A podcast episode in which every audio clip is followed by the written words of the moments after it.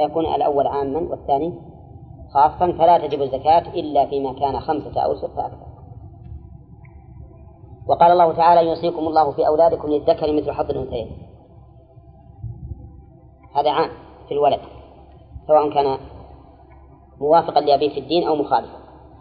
وقال في الحديث الآخر لا يرث المسلم وفي الحديث لا يرث المسلم الكافر ولا الكافر المسلم. هذا خاص. العموم الخصوص الوجهي قال النبي عليه الصلاة والسلام لا صلاة بعد العصر حتى تغرب الشمس. هذا لا صلاة عام في كل الصلوات. وبعد العصر خاص باعتبار الوقت بعد العصر. وقال عليه الصلاة والسلام إذا دخل أحدكم المسجد فلا يجلس حتى يصلي ركعتين. إذا دخل أحدكم المسجد هذا عام في جميع الأوقات.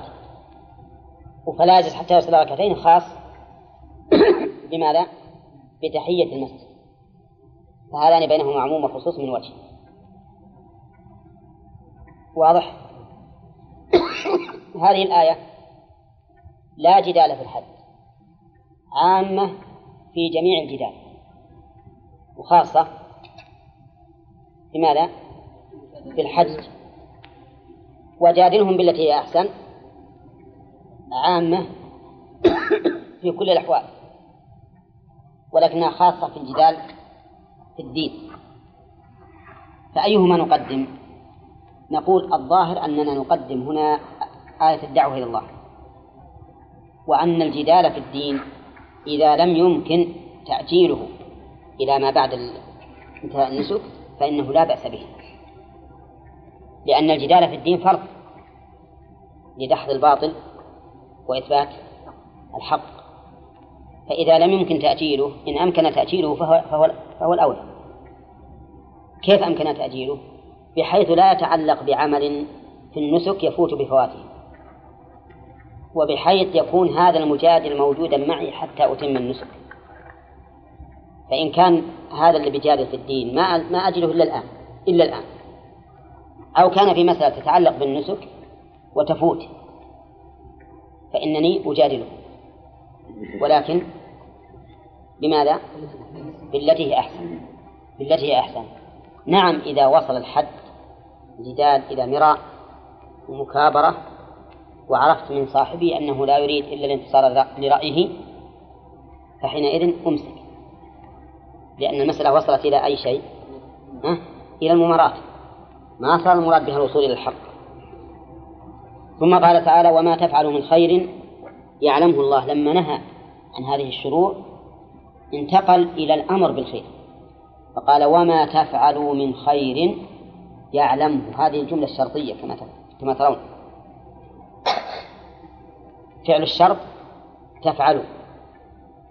وجواب الشرط جواب الشرط يعلم يعلمه الله. ولهذا جزم مثلا خير يعلمه الله. وإنما قال الله عز وجل لنا هذا حثا لنا على فعل الخير. لأن نعلم أنه لأننا نعلم إذا كان الله يعلمه أنه أنه إيش؟ لن يضيع. وسيبقى لنا. الله. خير يعلمه الله. نبدأ الدرس إن شاء الله الآن. وما تفعلوا من خير الجملة هذه شرطية. فعل الشرط فيها تفعلوا وأداة الشرط ما. ومن خير من بيانية تبين المبهم بالشرط. لأن ما شرطية مبهمة كالموصول. وهذه بيان. وما تفعلوا من خير. وخير نكرة في سياق الشرط. فيشمل كل خير سواء كان قليلا أو كثيرا. يعلمه الله هذا جواب الشرط. يعلم الله عز وجل وليس الغرض من هذا بيان إحاطة الله به علما لكن المقصود بذلك الحث على فعل الخير. لأن الله تعالى إذا كان يعلمه فإنه لا يظلم فاعله بل يجازيها الحسنة بعشر أمثالها إلى سبعمائة ضعف إلى أضعاف كثيرة. وما تفعل من خير يعلمه الله فالغرض إذن أو المقصود بهذه الجملة الحث على فعل الخير. ولهذا قال بعض بعدها وتزودوا تزودوا اتخذوا زادا. وليست من الزيادة. لو كانت من الزيادة لقيل. وازدادوا أو وزيدوا. ولكنها من الزاد يعني اتخذوا زادا لأنفسكم. زادا للجسد وزادا للقلب. زاد الجسد مثل طعام. والشراب وزاد القلب الإيمان والعمل الصالح. وأيهما أفضل؟ قال فإن خير الزاد التقوى. كأنه قال سبحانه وتعالى وتزودوا فإن في الزاد خيرا. ولكن خير الزاد التقوى أي تقوى الله عز وجل وهو وهي اتخاذ وقاية من عذابه بفعل أوامره واجتناب نواهيه. هذا أجمع ما قيل في التقوى أنها اتخاذ وقاية من عذاب الله بفعل أوامره واجتناب نواهيه. وقوله فإن خير تزودوا فإن خير زاد التقوى يشبهها من بعض الوجوه. قوله تعالى يا بني آدم قد أنزلنا عليكم لباسا يواري سوآتكم وريشا. هذا اللباس الحسن. ولباس التقوى ذلك خير. هذا اللباس المعنوي. نعم. الذي يكسو به الإنسان عورته الدينية. قال فإن خير الزاد التقوى. ثم قال واتقوني اتقوني.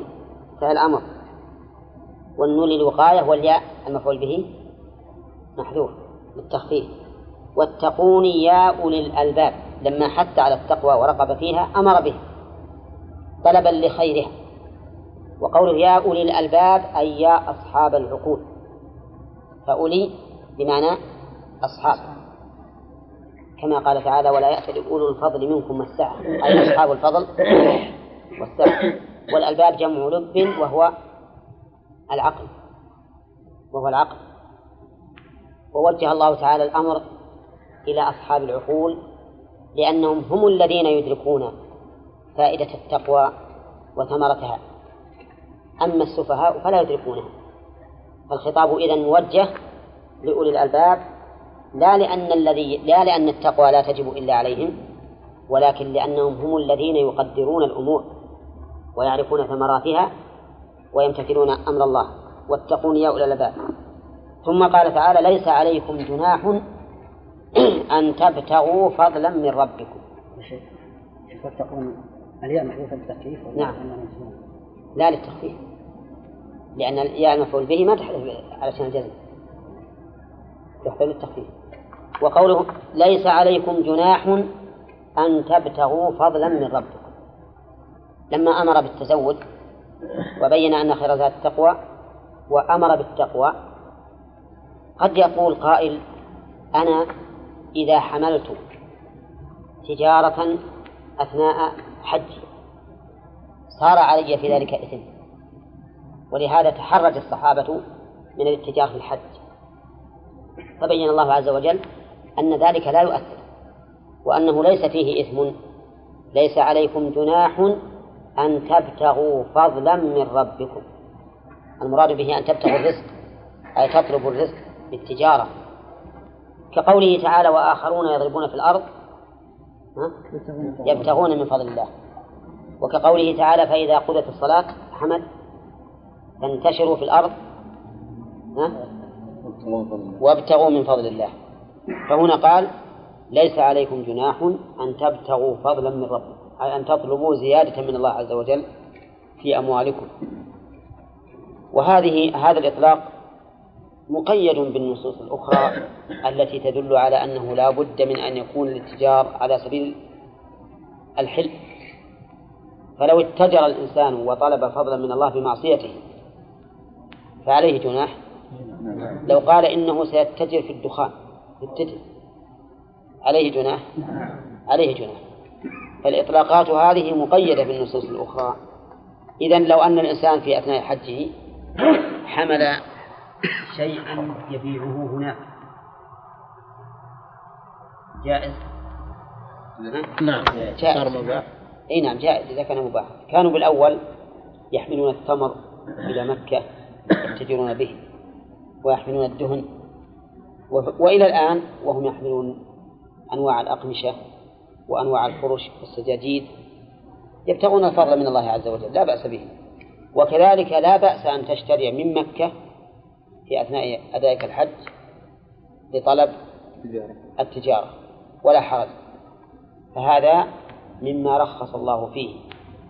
هل مثل ذلك أن يؤجر الإنسان سيارته وهو يريد الحج؟ نعم. نعم. لو قال قائل أبى أروح فأجر سيارة. هل يجوز أأجرها وأنا بحج عليها؟ الجواب نعم جائز ولا حرج. نعم. بعض الناس يتوهم إن ما له أجر. إذا صار رافني يدور الإجرة.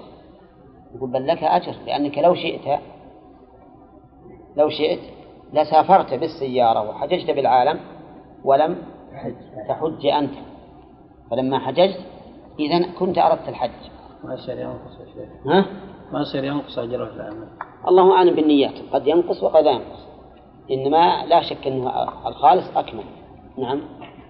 طيب ليس عليكم جناح أن تبتغوا فضل من ربكم. فإذا أفضتم من عرفات فاذكروا الله عند المشعر الحرام.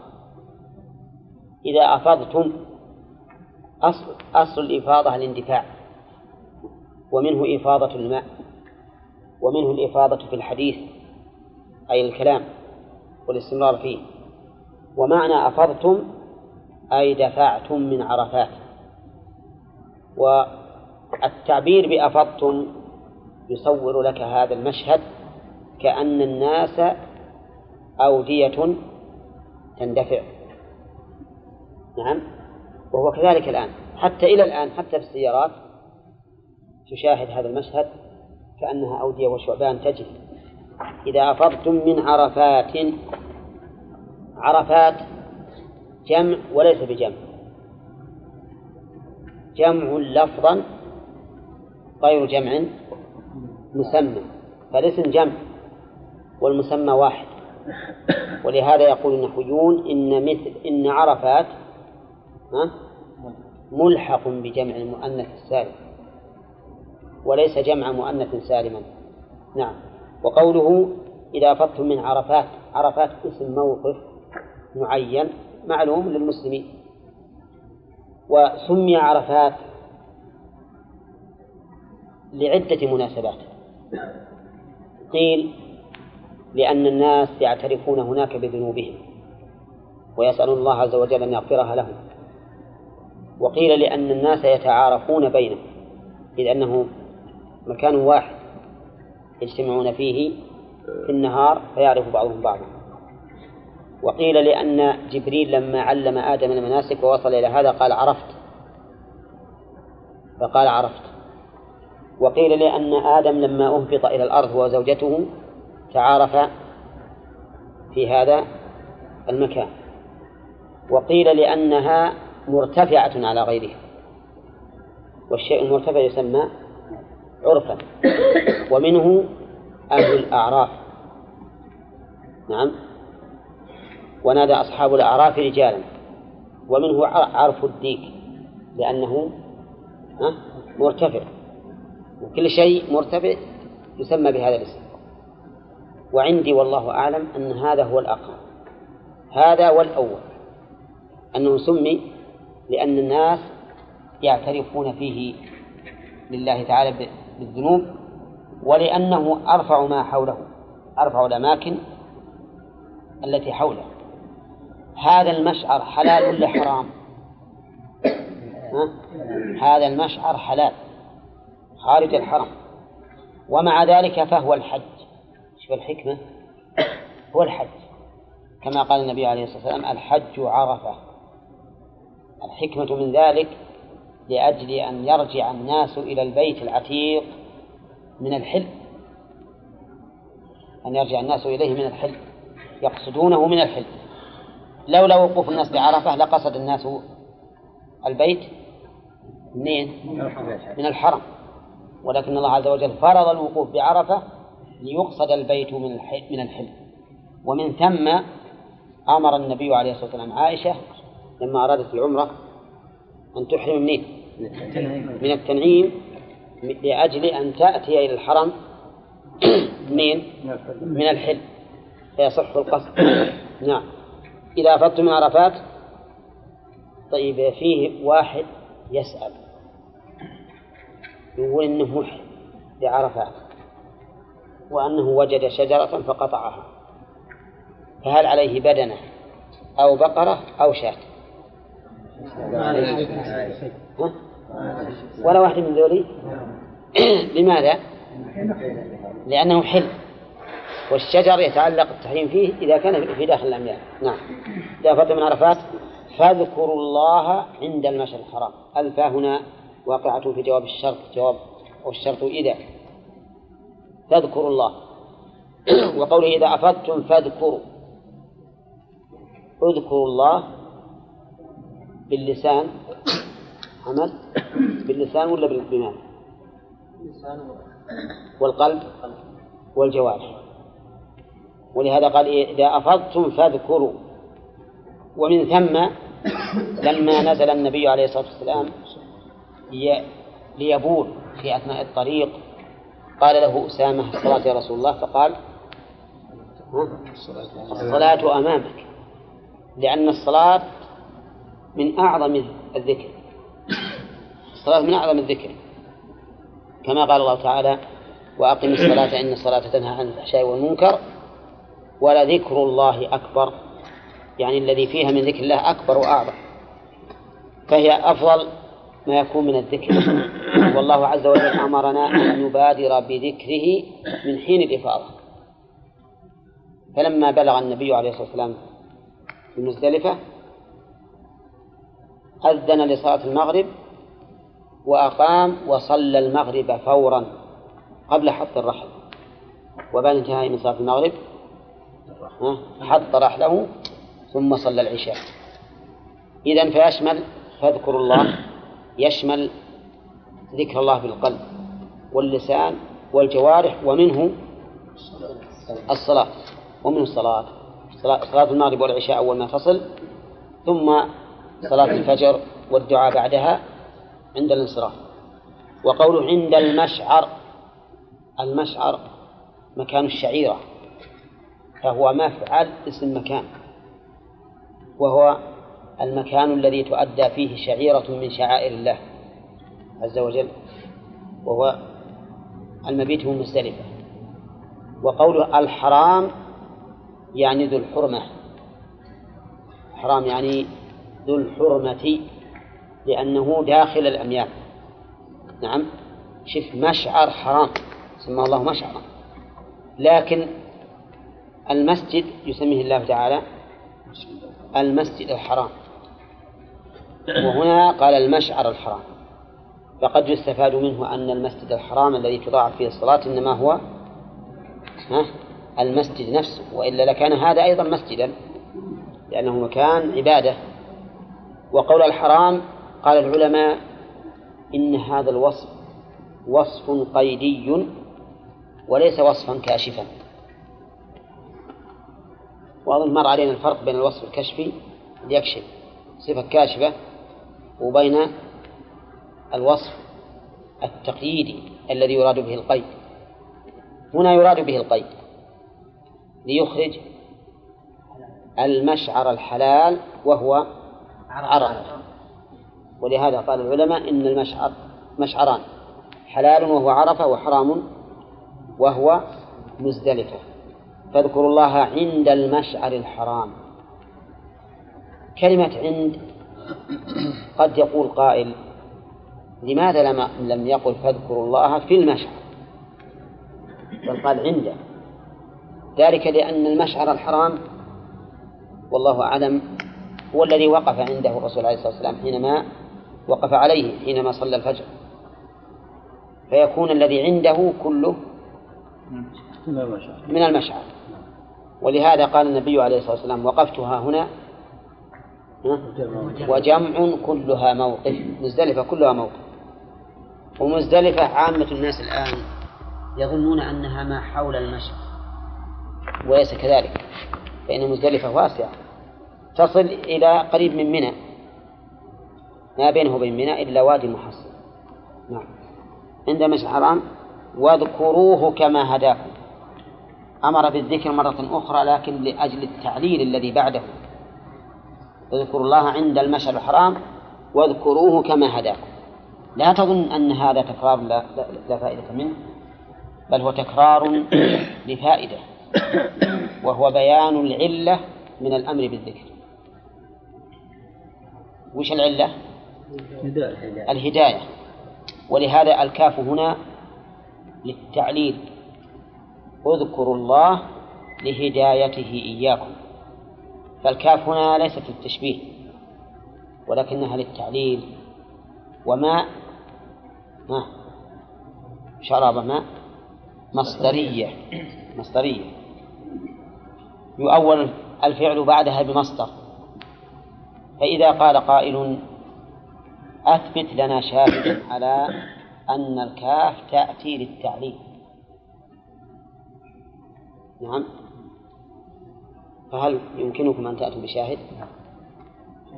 التحيات نعم. اللهم صل على نبينا محمد وعلى آله. كما نعم. صليت عليه نعم.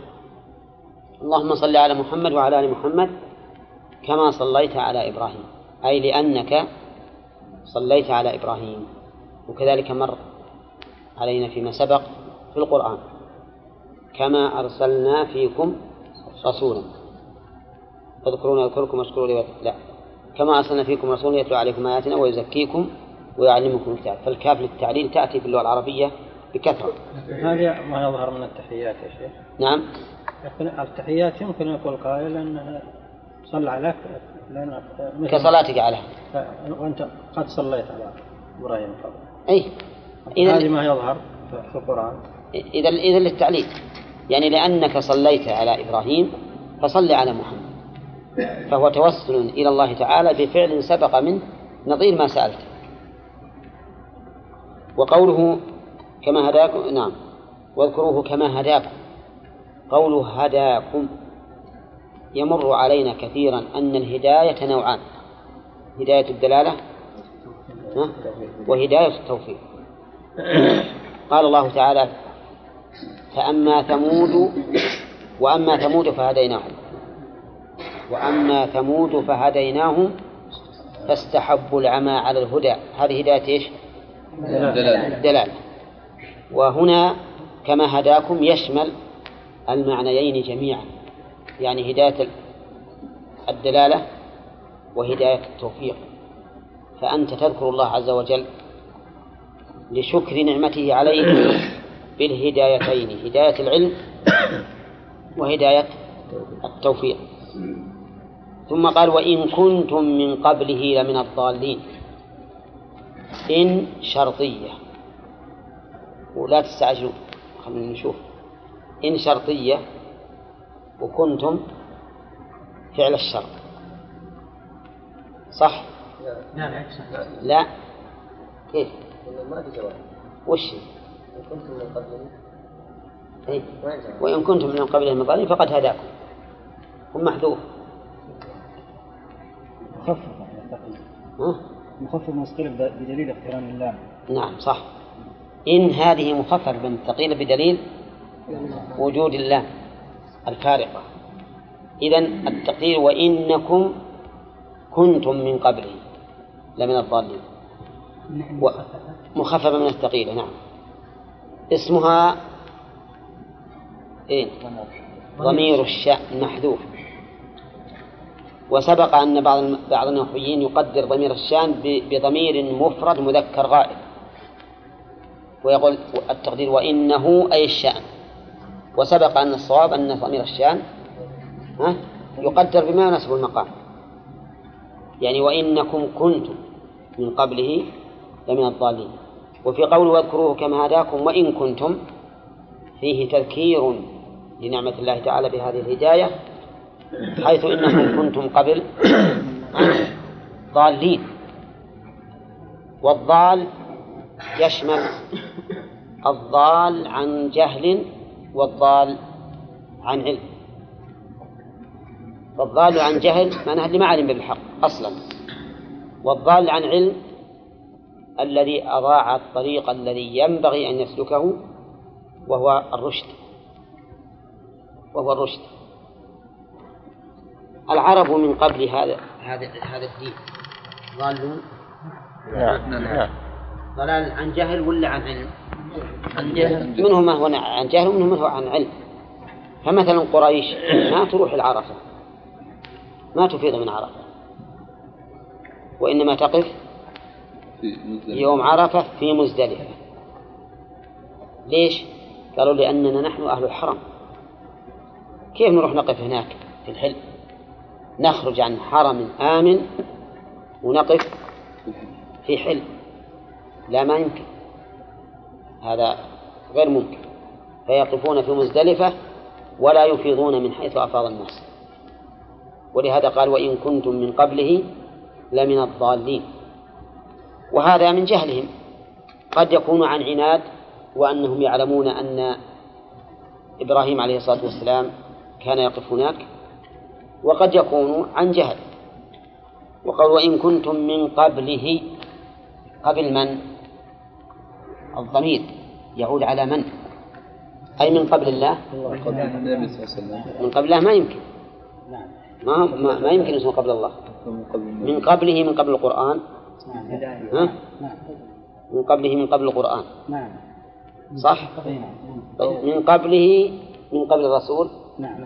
يصلح؟ طيب. من قبله من قبل الهدى؟ أي واذكروا كما هداكم. وإن كنتم من قبله أي من قبل هذا الهدى؟ لمن الضالين. كل ذلك يحتمل وكله متلازم. فالهدى من أين جاء؟ من القرآن. من ومن النبي صلى الله عليه وسلم.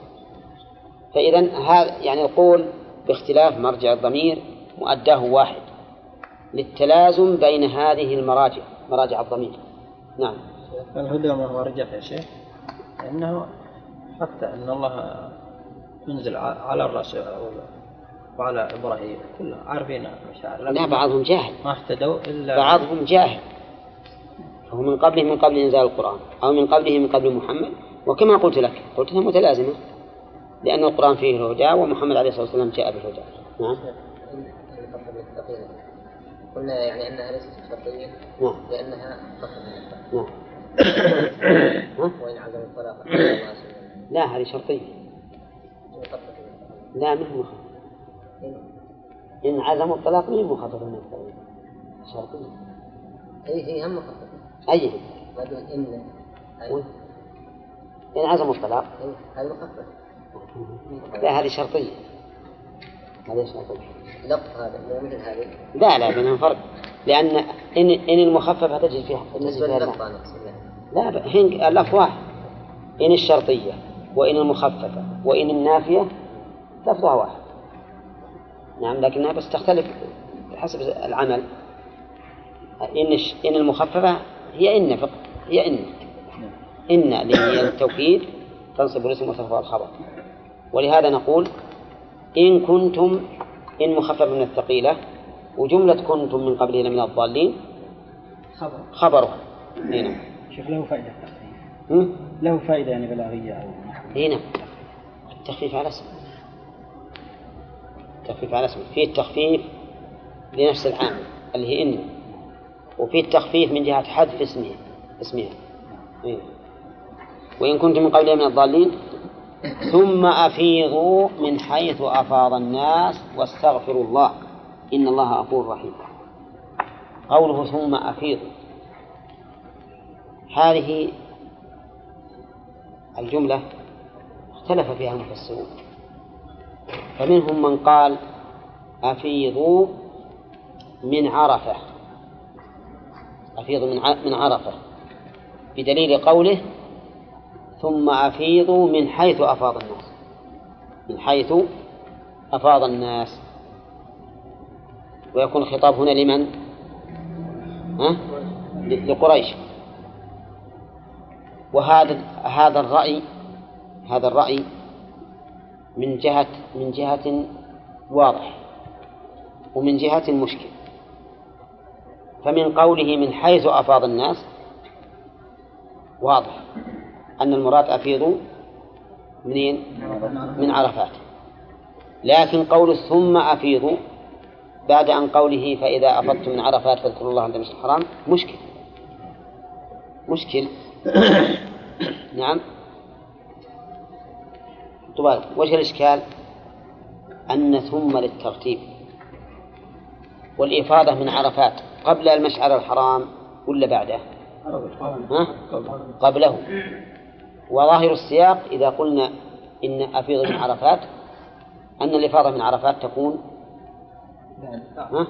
بعد مزدلفة والواقع خلاف ذلك فأجابوا عن هذا بجوابين الجواب الأول أن الترتيب هنا ترتيب ذكري. ترتيب ذكري. لا ترتيب زمني حكمي. ترتيب ذكري لا ترتيب زمني حكمي. أنتم معي؟ يعني أن الله عز وجل ذكر هذا رتبه في الذكر فقط. رتبه في الذكر فقط لا أنه مرتب عن عن ذاك بالزمن والحكم. لأنه بالزمن والحكم سابق عليه وليس متأخر عنه. فيكون كقول الشاعر إن من ساد ها؟ ثم ساد أبوه ثم ساد من بعد ذلك جده. نعم؟ وأبوه وجده؟ عكس التام عكس تام أبوه وجده قبله ولا بعده؟ ها؟ قبله. طيب. ثانيا أن قوله ثم أفيض من حيث أفاض الناس هذا عطف على قوله فإذا أفضتم من عرفات كأنه قال ثم لتكن إفاضتكم من عرفات. ثم لتكن إضافتكم من عرفات. من حيث أفاض الناس. من حيث أفاض الناس. وسيأتي إن شاء الله بيان القول الراجح. كان منكم مريضا أو به أذى من رأسه ففدية. من صيام أو صدقة أو نسك. يستفاد من هذه الآية جواز حلق الرأس للمرض أو الأذى. لقوله فمن كان منكم مريضا أو به أذى من رأسه إلى آخره. ويستفاد منه أن فديته على التخيير. بقوله ففدية من صيام أو صدقة. ويستفاد به أن كفارات المعاصي فدا للإنسان. لقوله ها كفارات المعاصي فدا للإنسان من العقوبة. لقوله ففدية من صيام أو صدقة. ويستفاد من الآية الكريمة أن محظورات الإحرام لا تفسده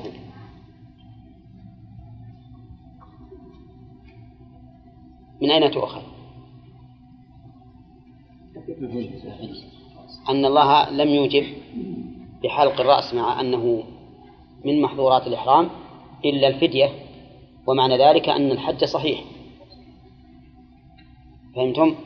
فيكون في هذا رد لقول ابن حزم رحمه الله إن محظورات الإحرام تفسده كسائر العبادات فإن العبادات تفسدها محظوراتها إلا الحج.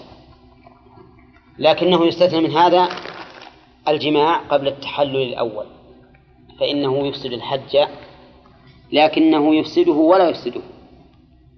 يفسده ويجب عليه المضي فيه وقضاؤه من العام القادم فهو مفسد لا يخرج منه.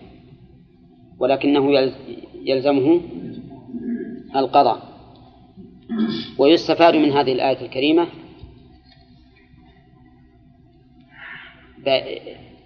بيان السنة للقرآن. بيان السنة للقرآن. من أين تؤخذ؟ من صيام أو صدقة أو نسك؟ ما ندري وش الصيام ولا الصدقة ولا النسك لكن الرسول صلى الله عليه وسلم ها؟ بين ذلك بأن الصيام ثلاثة أيام والإطعام ستة مساكين لكل مسكين نصف صاع والنسك شاة.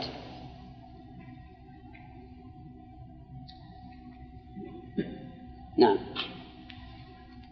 وألحق العلماء ألحق العلماء بحلق الرأس جميع محظورات الإحرام ما عدا شيئين. وهما الجماع في الحج قبل التحلل الأول وجزاء الصيد. الجماع في الحج قبل التحلل الأول وجزاء الصيد. فالجماع في الحج قبل التحلل الأول يجب فيه بدنه وجزاء الصيد يجب فيه إيش؟ مثله أو عدل ذلك صياما. أو إطعام مساكين أو عدل ذلك صياما. وما عدا ذلك من المحظورات ففديتها كفدية حلق الرأس. كل المحظورات. المباشرة فديتها كفدية حلق الرأس. الإنزال ولو قبل التحلل الأول فديته كفدية حلق الرأس. كل المحظورات فديتها كفدية حلق الرأس إلا الجماع وإلا ها وإلا جزاء الصيد. نعم. ويستفاد من من الآية الكريمة يستفاد منها البداءة بالأيسر فالأيسر. وانتظروا خلينا نشوف الفائدة هذه. ها؟ البداءة بالأيسر فالأيسر. من صيام أو صدقة أو نسك. أولى يختلف يختلف. آه ما إيه نعم تختلف الحال. قد يكون الصيام أشق وقد يكون الإطعام أشق وقد يكون النسك أشق. إيه نعم. يقول بداء بداء بالمتوسط أو من يستطيع كل احد لا ما ما بقى كل حال. إنما ما يعتبر التيسير هنا التيسير من جهة من جهة التخفيف. من جهة التخفيف. أي نعم. طيب إذا يستفاد من الآية الكريمة التيسير على العباد وذلك بوقوع الفدية على التخيير. نعم. ثم قال الله تعالى فإذا أمنتم فمن تمتع بالعمرة إلى الحج. هذا معطوف كما قلنا على قوله فإن أحصلتم. يقابله فإذا أمنتم أي زال عنكم الخوف. يستفاد من هذه الآية الكريمة جواز التمتع في أشهر الحج أو جواز العمرة في أشهر الحج. لقوله فمن تمتع بالعمرة إلى الحج. وقد سبق أن أهل الجاهلية يرون أن أن العمرة في الحج في أشهر الحج من أفجر الفجور ويستفاد من من الآية الكريمة أن التمتع تيسير من الله على العباد لقول فمن تمتع بالعمرة إلى الحج وإلا فالمفروض أن من أحرم في أشهر الحج المفروض أنه ها؟ يتم. الحج. يبقى على إحرامه إلى أن يحل منه يوم العيد. ولكن من تيسير الله عز وجل أنه جعل للإنسان أن يتمتع بالعمرة إلى الحج. ويستفاد منها أنه إذا حل المتمتع من عمرته جاز له كل شيء. حتى النساء. من أين تؤخذ؟ من قوله فمن تمتع. لأن إطلاق التمتع لا يكون إلا كذلك. ويستفاد من من الآية الكريمة أن من لم ي... أن من لا يحل من عمرته لا يسمى متمتعا. لا يسمى متمتعا. لقول فمن تمتع بالعمرة إلى الحج. وعلى هذا فالقارن ليس بمتمتع. القارن ليس بمتمتع. وهو كذلك عند الفقهاء أن القارن غير متمتع. فالمتمتع هو الذي يحل من العمرة والقارن هو الذي يجمع بين العمرة والحج. لكن ذك لكن ذكر كثير من أهل العلم أن القارن يسمى متمتعا في لسان الصحابة. وذلك لأن بعض الصحابة عبر عن حج النبي صلى الله عليه وسلم بالتمتع. فقالوا تمتع النبي صلى الله عليه وسلم بالعمرة إلى الحج. ومن المعلوم أن رسول الله صلى الله عليه وسلم حل من إحرامه ولا ما حل؟ ما حل. ولهذا قال الإمام أحمد لا أشك أن النبي صلى الله عليه وسلم حج قارنا والمتعة أحب إليه. عرفتم؟ ومن أجل أن القارن ليس متمتعا صار وجوب الهدي على المتمتع بالإجماع. ووجوب الهدي على القارن عند أكثر أهل العلم. وقد نص الإمام أحمد أن القارن ليس كالمتمتع لكن جمهور أهل العلم قالوا بوجوب الهدي عليه كالقارن. نعم. وأصل ذلك العلة في وجوب الهدي على المتمتع. نعم. هل هو الجمع بين النسكين في سفر؟ أو هو التمتع بين العمرة والحج بما أحل الله؟ تمتع. فمن قال إن العلة هي التمتع قال لا هدي. ومن قال إن العلة هو الترفه بترك أحد السفرين وجمع النسكين في في سفر واحد قال إن عليه الهدي. وهذا كما قلت لكم هو رأي ها؟ جمهور أهل العلم. ومن فوائد الآية الكريمة تيسير الله عز وجل على العباد لقوله فما استيسر من الهدي. واضح. تيسير واضح. نعم. والدين كله والحمد لله من أوله إلى آخره ها؟ مبني على اليسر. ومن فوائد الآية الكريمة أن هدي التمتع لا بد أن يكون مما يجزئ في الأضحية. لقوله من الهدي أل. لأن الهدي أل فيها للعهد الذهني أي العهد أي الهدي المعهود ذهنا وهو الهدي الشرعي. وقد قال النبي عليه الصلاة والسلام لا تذبحوا إلا مسنة طيب ومن فوائد الآية الكريمة؟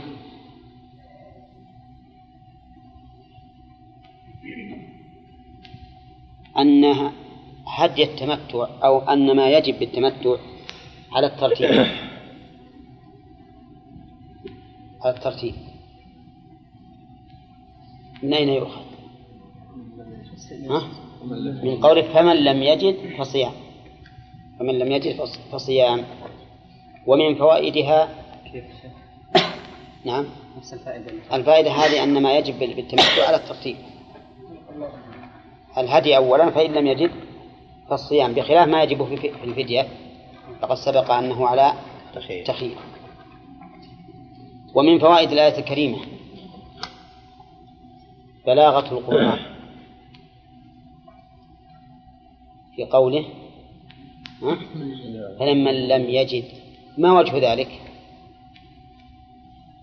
يعني لأن حذف المفعول ها؟ للعموم فهنا استفدنا زيادة المعنى مع اختصار اللفظ لأن قوله فمن لم يجد أي من لم يجد هديا أو ثمنه إيش الآن مع الحذف استفدنا زيادة المعنى ومن فوائد الآية الكريمة وجوب صيام عشرة أيام بدلا عن الهدي. لقوله تلك عشرة كاملة. ومن فوائدها أن هذه الأيام موزعة. ثلاثة في الحج وسبعة إذا رجع. ومن فوائدها جواز صيام هذه الأيام في أيام التشريق. هذه الأيام الثلاثة. جواز صيام هذه الأيام الثلاثة في أيام التشريق. من أين تؤخذ؟ من قوله في الحج فإن أيام التشريق من أيام الحج. ويجوز قبل ذلك؟ نعم. نعم ويجوز قبل ذلك. يوم العيد يعني. ما يجوز يوم العيد. قبل ذلك مثل قبل ذلك يعني قبل العيد. من متى يبت- يبتدئ الجواز؟ من الإحرام بالعمرة. من الإحرام بالعمرة. لأنه من حين يحرم بالعمرة دخل في الحج. لقول النبي صلى الله عليه وسلم دخلت العمرة في الحج. ومن فوائدها أن هذه الأيام الثلاثة لا يجب فيها التتابع. وكذلك السبعة. الدليل أن الله إنما ذكر عددا ولا اشترط. ولو كان ذلك شرطا لبينه الله كما قال فصيام شهرين متتابعين فلما لم يشترط الله التتابع علم بأن هذه الثلاث يجوز أن تصومها متتابعة وأن تصومها متفرقة لكن لا تخرجها عن أيام الحج. أفهمتم؟ طيب. ومن فوائد الآية الكريمة أن تفريق هذه الأيام الثلاثة والسبعة لا يجعلها متفرقة حكما. ولم تصم السبعة إلا في شهر جمادى. ما نقول إنها تفرقت ولكل واحد حكم. بل نقول تلك عشرة كاملة كما قال الله سبحانه وتعالى. ومن فوائد الآية الكريمة أن صيام الأيام السبعة لا يجوز في أيام الحج.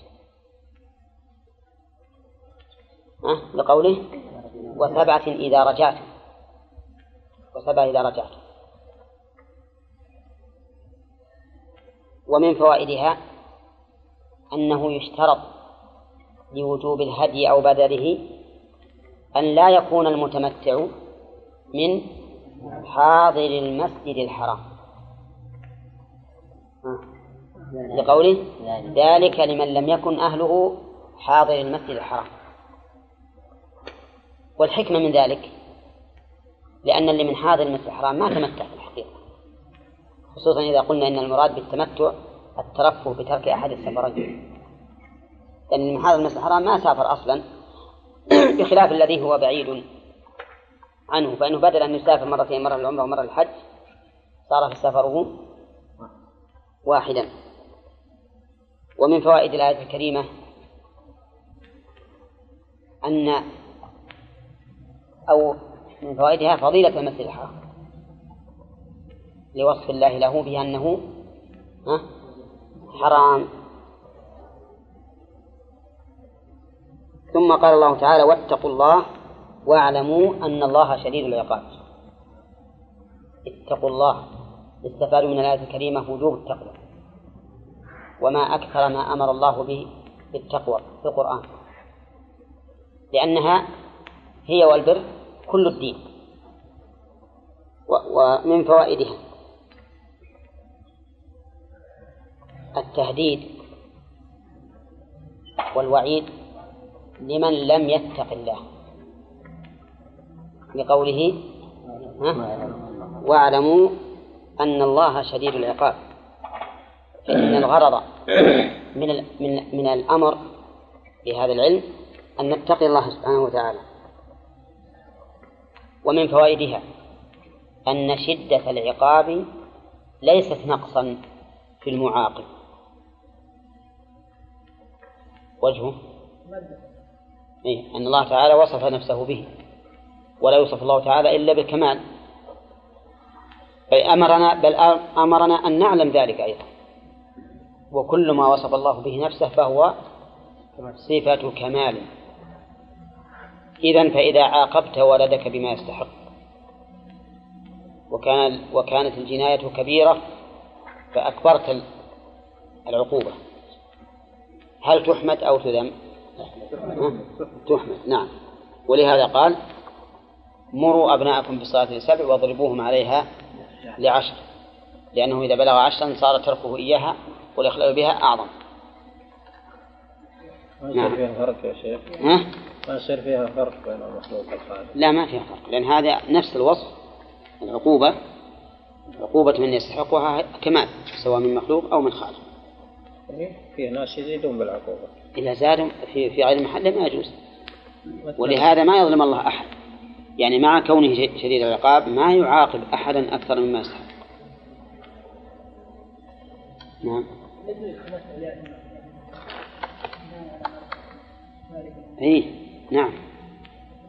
الضمير في ذلك على التمتع أو على الهدي. لا الظاهر لأنه شف فما استلزم هذه فمن لم يجد الصيام ذلك لمن لم يكن أهله حاضر الحرام يحتمل أنه عائد على الجميع أو عائد على وجوب على وجوب الهدي. المشهور من مذهب الحنابلة أنه عائد على وجوب الهدي فقط وأن أهل مكة لهم تمتع. بالنسبة إلى صام بعض الأيام إيه. ما يلزمه الانتقال. ما يلزمه الانتقال لكن إن انتقل فلا حرج. إلا إذا قدم الصوم لأن محل الوجوب هو فجر يوم العيد. فلو قدم الصوم بناء على أنه ما يجد ثم مات له قريب في ليلة العيد وورثه فوجد أو وهب له مال في ليلة العيد فإنه بذلك يكون واجدا فيجب عليه الهدي لأنه هو وقت الذبح. ثم قال الله تعالى الحج أشهر معلومات فمن فرض فيهن الحج إلى آخره يستفاد من هذه هذه الآية الكريمة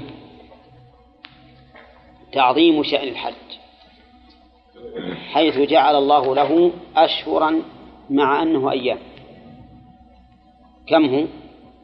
ثمانية تسعة عشرة أحد عشر اثنا عشر ثلاثة عشر ستة وقد جعل الله له أشهرا أشهرا ثلاثة حتى يأمن الناس ويتأهبوا لهذا الحج. ولهذا شف ما بعد الحج أقصر مما قبله. اللي قبله كم؟ شهران وسبعة أيام. واللي بعده سبعة عشر يوما فقط. لأنه إذا حج انتهى غرضه فطلب منه العودة. بخلاف ما إذا كان قبله. ومن فوائد الآية الكريمة أن أشهر الحج ثلاثة. من أين تؤخذ؟ من قوله أشهر وهي جمع. وهي جمع قلة. والأصل في الجمع أن يكون ثلاثة فأكثر. ومن فوائد الآية الكريمة الإحالة على المعلوم. الإحالة على المعلوم بشرط أن يكون معلوما. ها؟ لقوله تعالى معلومات. وهذا يستعمله الفقهاء كثيرا. والعلماء كلهم يقولون هذا معلوم بالضرورة من الدين. وأمر هذا معلوم وما أشبه ذلك.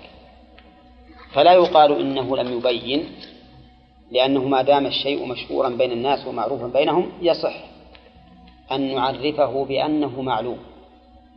ومن ذلك ما يفعله بعض الكتاب في الوثائق.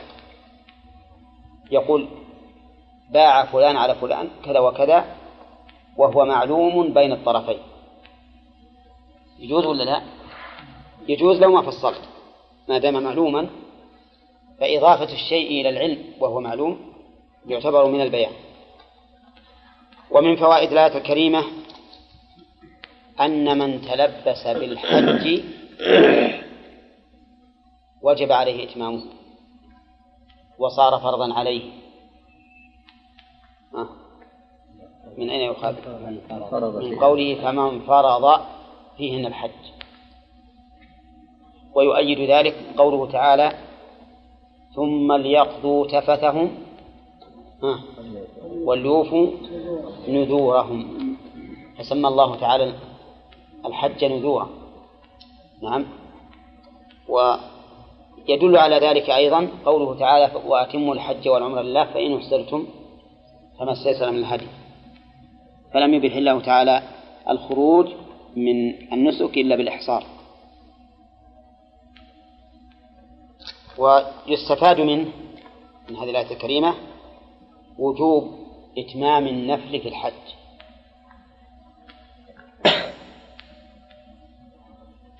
نعم قال الحج. من قوله فمن فرض. والفرض لا بد من إتمامه. ويستفاد من الآية الكريمة أن الحج أن الإحرام بالحج قبل أشهره لا ينعقد. وجهه لقولك فمن فرض فيهن الحج فلا رفث فلم يرتب الله أحكام الإحرام إلا؟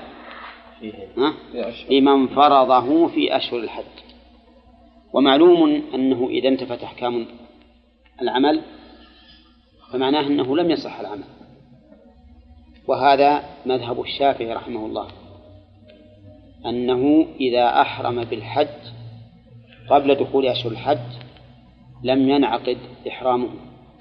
ولكن هل يلغو أو ينقلب عمرة؟ في ذلك قولا عندهم. أما عندنا مذهب الحنابلة فيقولون إن الإحرام بالحج قبل أشهره ينعقد.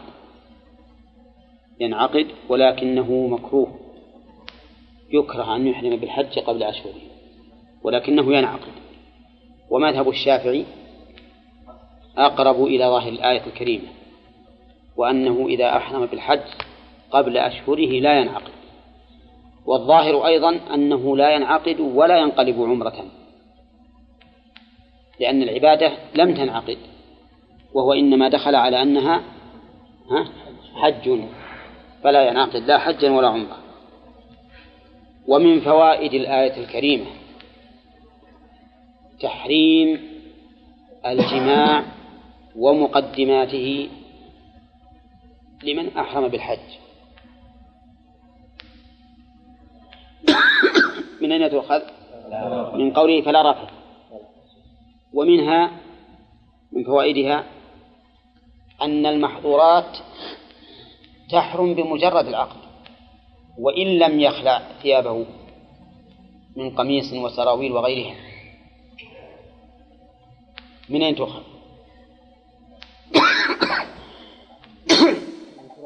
من قول فمن فرض فلا رفع يعني هذه جواب الشرط.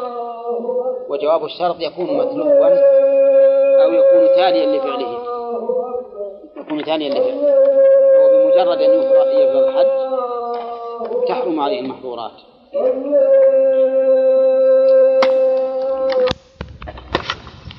أخذنا آخر ما أخذنا من الفوائد. أن الإحرام ينعقد بمجرد العقد وتثبت فيه الأحكام. لقوله فمن فرض فيهن الحج فلا رفث. ويستفاد من الآية الكريمة تحريم الجماع ودواعيه بعد الإحرام. لقوله فلا رفث. وجواب الشرط يكون عقب الشرط.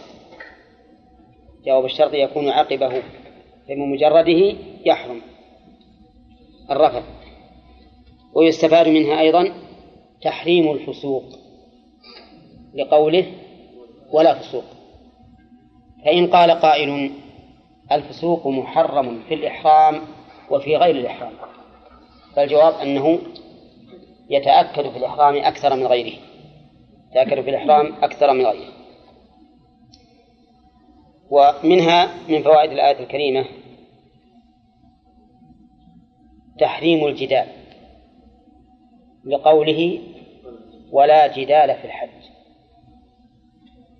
والجدال إن كان لإثبات الحق أو لإبطال الباطل فإنه واجب. وعلى هذا فيكون مستثنى من هذا العموم.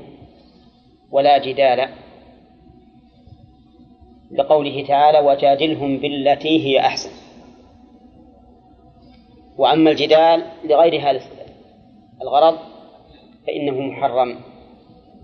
فإن قلت أليس محرما في هذا وفي غيره لما يترتب عليه من العداوة والبغضاء وتشويش الفكر فالجواب أنه في حال الإحرام أوكد.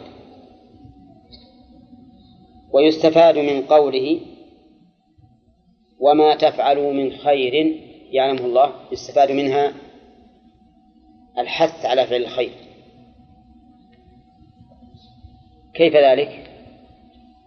لأن قوله يعلمه الله يدل على أنه سيجازي على ذلك ولا يضيعه. قال الله تعالى ومن يعمل من الصالحات وهو مؤمن فلا يخاف ظلما ولا هضما. ومن فوائد الآية الكريمة أيضا أن الخير سواء قل أو كثر فإنه معلوم عند الله.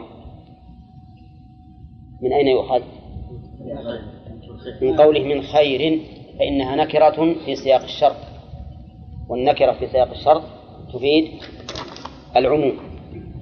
ويستفاد من من الآية الكريمة عموم علم الله تعالى بكل شيء. بقوله وما تفعلوا من خير يعلمه الله.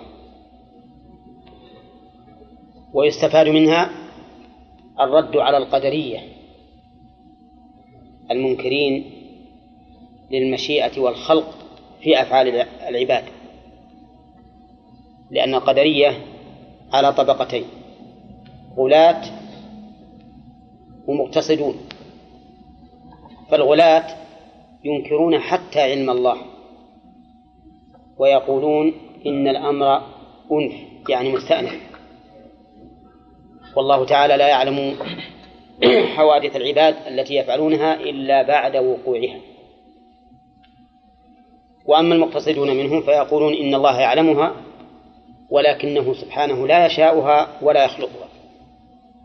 والعبد على رأيهم مستقل بعمله له إرادة مطلقة وقدرة مطلقة وفعل مطلق.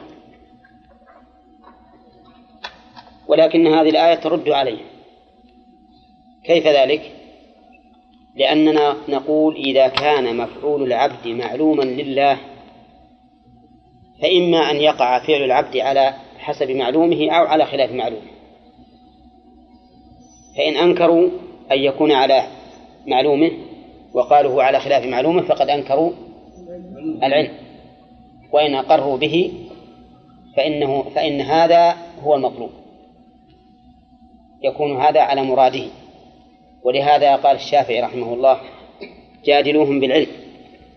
فإن أقروا به خصموا وإن أنكروه كفروا. ويستفاد من الآية الكريمة الحث على التزود من الخير. بقوله وتزودوا فإن خير الزاد التقوى. ويستفاد منها أنه ينبغي للحاج أن يأخذ معه الزاد الحسية من طعام وشراب ونفقة لئلا يحتاج في حجه فيتكفف الناس. لقوله وتزودوا فإن خير زاد التقوى. ويستفاد من ذلك أن التقوى خير زاد كما أنها خير لباس. فهي خير لباس باطني وظاهري. من أين يؤخذ أنها خير لباس؟ من قوله تعالى ولباس التقوى ذلك خير ويؤخذ من أنها خير زاد. نعم. من قوله وتزودوا فإن خير الزاد التقوى. والزاد عبارة عن لباس الباطن. وأما الثياب فهي لباس الظاهر. ولهذا قرن الله تعالى بين بينهما في سورة طه. فقال إن لك ألا تجوع فيها ولا تعرف وأنك لا تظمأ فيها ولا تضحى فإنه لقائل أن يقول لماذا لم يقل سبحانه وتعالى إن لك ألا تجوع فيها ولا تظمأ؟ حتى يكون الجوع ها؟ مناسبا للظمأ ولكن الجواب أن يقال إن قوله ألا تجوع فيها هذا نفي للتعري الباطني. ولا تعرى؟ تعري الظاهري باللباس. لا تظمأ فيها الظمأ حرارة الباطن. ولا تضحى حرارة الظاهر. فكان المقابلة في القرآن أبلغ مما يتوهمه الإنسان. فنقول لباس التقوى ذلك خير من اللباس الظاهري وزاد التقوى خير من الزاد الباطن. قال ويستفاد من الآية الكريمة وجوب تقوى الله. بقوله واتقون. والتقوى مرت علينا كثيرا. لأنها اتخاذ وقاية من عذاب الله. بماذا؟ بفعل أوامره واجتناب نواهيه. نعم. ويستفاد من الآية الكريمة أن أصحاب العقول هم أهل التقوى. لقوله يا أولي الألباب. ويستفاد منها أنه كلما نقص الإنسان من تقوى الله كان ذلك دليلا على نقص عقله. أي العقلين؟ عقل الإدراك ولا عقل الرشد؟ ها؟ عقل الرشد. بخلاف قول النبي عليه الصلاة والسلام ما رأيت من ناقصات عقل ودين. فإن المراد بنقص العقل هناك؟ عقل الإدراك. أيهما مناط التكليف؟ وأيهما مناط المدح؟ مناط التكليف عقل, عقل الإدراك. ومناط المدح؟ عقل الرشد. ولهذا نقول إن هؤلاء الكفار الأذكياء الذين هم في التصرف من أحسن ما يكون. نقول هم عقلاء عقول إدراك. لكنهم ليسوا عقلاء عقول رشد ولهذا دائما ينعى الله عنهم ينعى الله عليهم عدم عقلهم. والمراد العقل الرشد الذي به يرشدون. ثم قال الله عز وجل ليس عليكم جناح أن تبتغوا فضلا من ربكم إلى آخر الآية. هذه في الحقيقة لا يعرف معناها إلا من عرف سببها. لأنك إذا قرأتها لأول مرة ليس عليكم جناح أن تبتغوا فضلا من ربكم وهل أحد يشك في أنه ليس عليه جناح أن يبتغي من فضل الله؟ وش الجواب؟ لا أحد يشك. إذا كان كذلك فيكون هذا الكلام لغوا وتحصيل حاصل. لكن إذا عرف الإنسان السبب عرف لماذا قال الله هذا. ولهذا من كلامهم المألوف المعروف إذا عرف السبب بطل العجب. ليس عليكم جناح أن تبتغوا فضلا من ربكم. هذه نزلت كما قلنا في التفسير في قوم يتحرجون من أن يبيعوا ويشتروا في أثناء الحج. فأنزل الله هذه الآية مبينا أنه لا حرج عليهم في ذلك. حينئذ نقول يستفاد من الآية الكريمة جواز البيع والشراء أثناء الحج. نعم. من أين يؤخذ؟ من قول ليس عليكم جناح أي إثم. يستفاد من الآية الكريمة أنه ينبغي للإنسان في حال بيعه وشرائه أن يكون مترقبا لفضل الله لفضل الله لا معتمدا على قوته وكسبه لقوله أن تبتغوا فضلا من ربكم. ويستفاد من الآية الكريمة ظهور منة الله على عباده بما أباح لهم من المكاسب وأن ذلك مقتضى ربوبيته سبحانه وتعالى. حيث قال نعم فضلا من ربكم. ثم قال فإذا أفضتم من عرفات إلى آخره يستفاد من هذه الآية الكريمة مشروعية الوقوف بعرفة من أين تؤخذ؟ هل يؤخذ من أن أن الوقوف بعرفة ركن؟ ها؟ لو قال قائل إن قوله فإذا أفضتم من عرفات دون أن يذكر الأمر بها كأن قضية الوقوف بعرفة أمر مسلم لا يمكن حج إلا به. لأنه قال إذا أفضتم من عرفات مع أنه ما تقدم الأمر بذلك. فكأن القضية قضية مسلمة لا يمكن حج إلا به. قد يقول قائل بهذا ويكون هذا موجها للقول بأنها ركن بأن الوقوف بعرفة ركن. وقد دل عليه الحديث عن رسول الله صلى الله عليه وسلم في قوله ها الحج عرفة. ويستفاد من الآية الكريمة أنه يشترط للوقوف بمزدلفة أن يكون بعد الوقوف بعرفة. من أين يؤخذ؟ إذا أفضتم من عرفات فاذكروا الله عند الحرام فلو أن أحدا مر بمزدلفة في الليل ووقف بها يدعو ثم ذهب إلى عرفة ووقف بها ثم رجع منها إلى منى. قلنا له لا يجزئك وقوفك بمزدلفة لأن الله ذكره بعد الوقوف بعرفة ويستفاد من الآية الكريمة أن الصلاة من ذكر الله ليه؟ ها؟ فاذكروا الله ها؟ والنبي عليه الصلاة والسلام أول ما بدأ بالصلاة.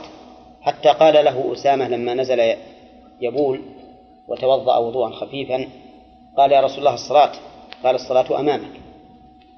ليكون أول ما يبدأ به من الذكر في هذا المكان أفرض ما يكون من الأعمال البدنية وهي الصلاة. ولهذا بدأ بصلاة المغرب قبل حط رحله كل ذلك تحقيقا لأمر الله تعالى بالذكر. ولا شك أن الصلاة من ذكر الله بل هي روضة من رياض الذكر فيها قراءة تكبير تسبيح ودعاء وقيام ركوع سجود قعود كل ذلك من ذكر الله. ذكر بالقلب وباللسان مش بعد؟ وبالجوارح. ثم من خاصية الصلاة أن كل عضو من أعضاء البدن له ذكر خاص به وعبادة تتعلق به. نعم. من فوائد الآية الكريمة بيان أن المزدلفة من الحرم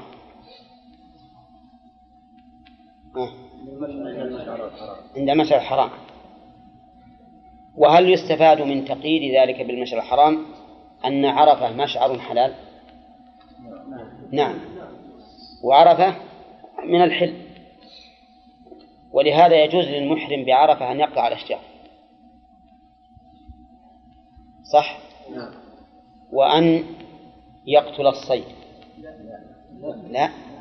لماذا؟ لأنه محرم. صح. نعم. ها؟ بعض العلماء يرى أنها أنه يجب أن تكون في مزدلفة. حتى حتى إن بعض العلماء قال لو خرج وقتها لا يصليها إلا في مزدلفة. ولكن الصحيح أنها ليست بواجبة إنما هذا بالأفضلية هذا الذي عليه جمهور أهل العلم. ويستفاد من الآية الكريمة أن الوقوف بمزدلفة مشعر من المشاعر أو أن مزدلفة مشعر من المشاعر. فيكون فيه رد على من قال بأن الوقوف بها سنة. وللناس في هذه المسألة ثلاثة أقوال. قول بأنها بأن الوقوف بها سنة. والقول الثاني بأنه ركن لا يصح الحج إلا به كالوقوف بعرفة. والقول الثالث أنه واجب يجبر بدم. واجب يجبر بدم. والله أنا أتوقف بين كونها ركنا وواجبا أما أنها سنة فهو ضعيف. لا لا يصح نعم. حديث عروة بن مواقس. قد يدل على ذلك. نعم. فتوقف هذا إن كان له عذر يفوته الحج. كما لو كان في عرفة له عذر يفوته الحج ويقضيه من سنة قادمة. ومن فوائد الآية الكريمة أن أن الإنسان يجب عليه أن يذكر الله تعالى بنعمته بالهداية لقوله واذكروه كما هداكم إذا جعلنا الكاف للتعليل أي واذكروه لهدايتكم وإن جعلناها للتشبيه فالمعنى اذكروه على الوجه الذي هداكم فيكون فيه دليل على أن الإنسان يجب أن يكون ذكره لله على حسب ما ورد عن الله. وأيهما أولى؟ أنتم فاهمين الفرق بينهما ولا لا؟ ها؟ الفرق بينهما. إن يكون اذكروا الله لهدايته إياكم يكون مطلقا الذكر مطلقا يكون الذكر مطلقا والعلة في الأمر به الهداية. أما إذا قلنا إن الكاف للتشبيه يكون المعنى اذكروا الله تعالى على الوجه الذي هداكم له. يعني على حسب ما شرع. وأيهما أولى؟ ها؟ طيب. نحن قلنا فيما سبق من قواعد التفسير أن الآية إذا كانت صالحة لوجهين لا تناقض بينهما. ها؟ تحمل عليه. تحمل عليه. وإذا احتملت لوجهين لكن لا يمكن اجتماعهما يطلب المرجح نعم. هذا لا يمكن التناقض بينهم. يمكن أن الله أمرنا أن نذكره كما هدانا أي على حسب ما هدانا ويمكن أن يكون أمرنا أن نذكره لأنه هدانا ولا تنافي بينهم. ويستفاد من الآية الكريمة تذكير الإنسان بحاله قبل كماله. تذكير الإنسان بحاله قبل كماله ليعرف بذلك قدر, قدر نعمة الله عليه. من أين يؤخذ؟ وإن كنتم من قبله. لمن الضالين لأن إن هنا مخففة من الثقيلة لأنكم كنتم قبله ضالين فهداكم الله. نعم. ومن هذا قول النبي صلى الله عليه وسلم للأنصار ألم أجدكم ضلالا ها؟ فهداكم الله به ألم أجدكم ضلالا فهداكم الله به ومنه قول الملك للأبرص والأقرع. ألم تكن أبرص يقدرك الناس فقيرا فأغناك الله. فالتذكير بالنعم بذكر الحال وبذكر الكمال. بعد النقص هذا مما يوجب للإنسان أن يزداد في شكر نعمة الله عليه. هذا خاص ومن بالله. نعم. خاص بالله وشلون؟ يعني بنعم الله على العبد يعني غيره من المنعمين. لا غ... غيره. من المنعمين أخشى أن يكون في ذلك منة. فيكون من المنانين. وتعرف أن المنان ممن لا يكلم الله يوم القيامة ولا ينظر إليه ولا يزكيه. نعم. هل يستفاد من هذه الآية الكريمة تأييد مذهب الجبرية؟ ولا لا؟ ها؟ ها؟ واذكروه كما هداكم وإن كنتم من قبله لمن الضالين. ما يستفاد مذهبهم باطل. لا أنتم على كل حال هل يمكن أن يستدلوا بهذا؟ يقولون يقولون إن كانوا بالأول ضالين وهداهم الله. نعم. فيكون هذا فضلا محضا من الله عز وجل فيكون هو الذي أجبرهم على أن يهتدوا. قبلها على كل حال يمكن أن يستدلوا بها. نعم. اذكروه كما هداك اذكروه أي ما يخالف اذكروها توجيه الأمر لهم يدل على أن لهم فعلا اختياريا. اي نعم إيه لكن نقوله وإن كنتم من قبله لمن الضالين. ثم هداكم. ولكننا نقول إن الجبرية والقدرية وغيرهم من المبتدعة. في هذا الباب وفي غيره يكون لهم شبه لأنهم إذا لم يأتوا بشيء يتوكؤون عليه ما قبل منهم شيء. لكنهم ينظرون بعين واحدة ومن أجل ذلك يضلون. تجدهم يأخذون هذه النصوص ويدعون النصوص الأخرى. فيضلون بذلك. عرفتم؟ تعرفون أن أهل السنة والجماعة في صلاة الله وسط بين أهل التعطيل وأهل التمثيل. أهل التعطيل رأوا إلى النصوص الدالة على نفي المماثلة فعطلوا. ظنا منهم أن إثبات الصفات يستلزم التمثيل. نعم. وأما أهل التمثيل فأثبتوا الصفات بالتمثيل ظنا منهم أن حقائق هذه الصفات التي أضافها الله لنفسه مثل حقائقها بالنسبة للمخلوق. وعموا عن الآية عن النصوص الدالة على نفي المماثلة. عموا عنها. نعم. إذا حملناها عن الوجه الثاني. ها؟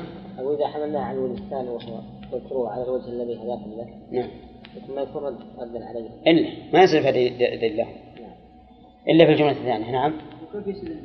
على على الجبريل آه، في آه، الرد على الجبرية نستفيد آه، الرد على الجبرية بأن نقول هذه وإن كان فيها شبهة لكم لكن الآيات الأخرى والنصوص الأخرى تدل على بطلان مذهبهم ثم إن قوله واذكروه توجيه الأمر إليهم يدل على أنهم فاعلون بالاختيار لأن الفاعل بغير الاختيار ما يصح توجيه الأمر إليه لماذا؟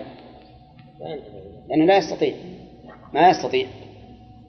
فلو قلت للإنسان المتوحد في طين يلا اخرج. هذا لو يحرك رجله ازداد غوصا. ما يستطيع. نعم. ثم أفيض من حيث أفاض الناس. هذا اللي وقفنا عليه؟ انتهى الكلام على الفوائد ثم أفيضوا من حيث أفاض الناس. ذكرنا أن لأهل التفسير في قوله ثم قولين. القول الأول أن الترتيب حقيقي وزمني. حقيقي زمني. وأن الله تعالى لما ذكر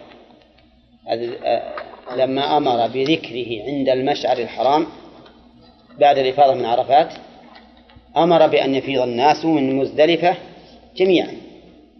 ثم أفيضوا من حيث أفاض الناس. وعلى هذا التفسير لا إشكال في الآية.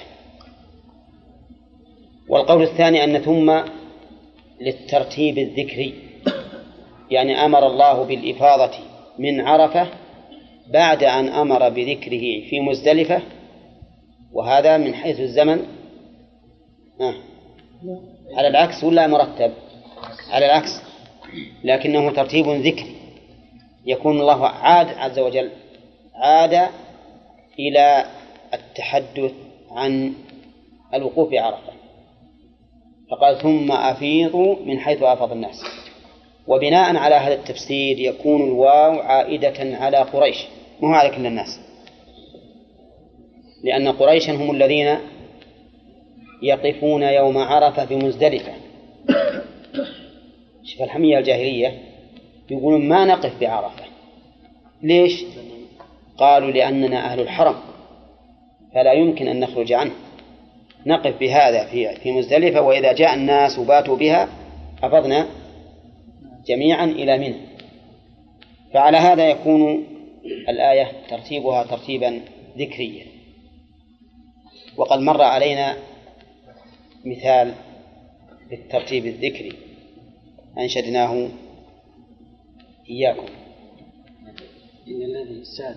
إن من؟ إن من ساد. ثم ساد أبوه. نعم. ثم ساد من بعد ذلك جد إيه.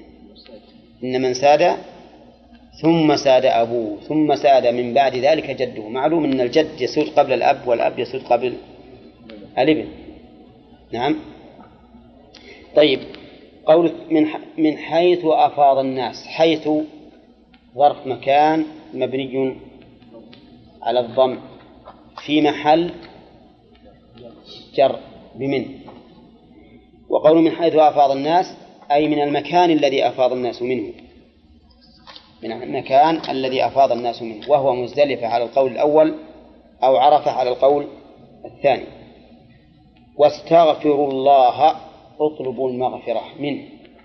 والمغفرة ستر الذنب والتجاوز عنه.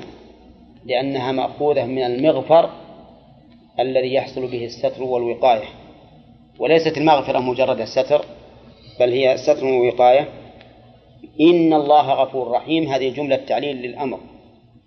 استغفر الله لأنه أهل لأن يستغفر. فإنه سبحانه وتعالى غفور رحيم. إعراب رحيم وليد. إن الله غفور رحيم. معطوف على آه، آه، خبر ثاني. خبر ثاني لإيش؟ بإن خبر ثاني لإن. إيه. والخبر الأول؟ الخبر الأول غفور. غفور؟ صح؟ نعم. قوله إن الله غفور رحيم. غفور صيغة مبالغة. وذلك لكثرة غفرانه تبارك وتعالى وكثرة من يغفر لهم. وقوله رحيم أي ذو رحمة واصلة إلى المرحوم الذي يرحم فعلا وهو أيضا وهو إما صفة مشبهة وإما صيغة مبالغة. والرحمة رحمة الله عز وجل صفة حقيقية ثابتة له. على الوجه اللائق به. وهل تشبه رحمة المخلوقين؟ لا. لأن القاعدة عندنا أنه أن جميع صفات الله لا تماثل صفات المخلوقين. فكل نقص يعتري رحمة المخلوق أو يعتري المخلوق بسبب رحمته فإن الله تعالى منزه عنه. وقد فسر الأشاعرة ونحوهم من أهل التعطيل فسروا الرحمة بأنها إما الإحسان وإما إرادة الإحسان. إما الإحسان ففسروها بشيء مخلوق بائن عن الله عز وجل. الإحسان. وإما إرادة الإحسان. والإرادة صفة معنوية. الإرادة صفة معنوية بخلاف الإحسان فإنه صفة فعلية والإحسان نفسه ثواب بائن منفصل عن الله ففسروها بالشيء المخلوق أو بإرادته. لماذا يا حسين؟ على التشبيه. لماذا؟ التشبيه لماذا لا يفسرون الرحمة بمعناها الحقيقي؟ خوفهم من الوقوع في التشبيه. لأنهم يقولون أن الرفقة الرحمة تقتضي رفقة الرحمة نعم. والله منزه عن هذا. المهم إيه فيه نعلل بالقول هم ما يثبتون لله من الصفات؟ ها؟ إلا سبع صفات فقط. أولى جمعها السفاريني في قوله له الحياة؟ والكلام والبصر. سمع إرادة وعلم واقتدر له الحياة والكلام والبصر. سمع إرادة وعلم واقتدر فقط. هذه السبع هي التي يثبتونها على خلاف بينهم وبين أهل السنة في إثباتها كما تقدم فنقول أنتم أثبتتم الإرادة أثبتتم الإرادة بأي دليل؟ قالوا بدليل السمع والعقل السمع تحفظون دليلا لإثبات إرادة الله بالسمع ها؟ ها؟ والله يريد أن يتوب عليكم ولكن الله يفعل ما يريد. نعم. إن الله يحكم ما يريد. العقل طريق إثباته إثباتها عندهم بالعقل. يقولون إن التخصيص يدل على الإرادة. وش معنى التخصيص؟ يعني مثلا السماء سماء والأرض أرض والكل مخلوق لله. لماذا جعل السماء السماء سماء والأرض أرضا؟ بالإرادة. فقالوا إن التخصيص دل على الإرادة. وذ- وذكرنا فيما سبق أن لأهل السنة عن ذلك جوابان. ولا مانع من إعادتهما هنا لأن بعضكم ما سمع ذلك. ما هما الجوابان؟ نقول يمكن أن نثبت الصفات نعم. بطريق العقل كما أثبتم صفة الإرادة وغيرها نعم. وكذلك نقول بعض الصفات مثل صفة الرحمة ظاهرة للناس أظهر من ظهور التخصيص على الإرادة نعم. وغير. وكذلك السمع أكاد نعم. نقول جوابان. الجواب الأول أن ما نفيتموه قد أثبته السمع. وانتفاء الدليل العقلي عنه لا يلزم منه انتفاؤه لأنه من المعلوم عند كل أحد أن انتفاء الدليل المعين لا يستلزم انتفاء المدلول المعين. بمعنى إن الشيء إذا لم نجد إذا لم نجد هذا دليلا له يمكن نجد له دليلا آخر. أليس كذلك؟ فمثلا وجوب الركوع. لو قال قائل إن حديث المسيء في صلاته لا يدل على على وجوب الركوع مع أن الرسول قال عليه الصلاة والسلام اركع حتى تطمئن نقول سلمنا أنه لا يدل على وجوب الركوع لكن قوله تعالى يا أيها الذين آمنوا اركعوا واسجدوا يدل على وجوب الركوع. يعني لو سلمنا أن هذا الدليل لا يدل عليه فإنه يدل عليه الدليل الآخر. مفهوم؟ وهذا كما أنه في الأمور المعنوية فهو في الأمور الحسية. لو أنك سافرت إلى مكة ووجدت الخط مسدودا لكن مكة لها طرق أخرى معينة. هل معناه أنه تعذر الوصول إلى مكة؟ لا. كيف نصل إلى مكة وقد انسد الطريق؟ نروح من طريق آخر. نذهب من طريق آخر. فنقول مثلا هب أن أنكم آه، أن العقل لا يدل عليها. لكن دل عليها السمع. فثبتت بماذا؟ بدليل السمع.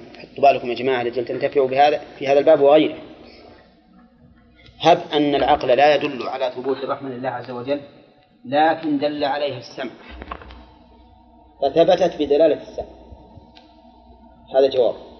الجواب الثاني أن نقول يمكن أن نثبت الرحمة ونحوها مما نفيتم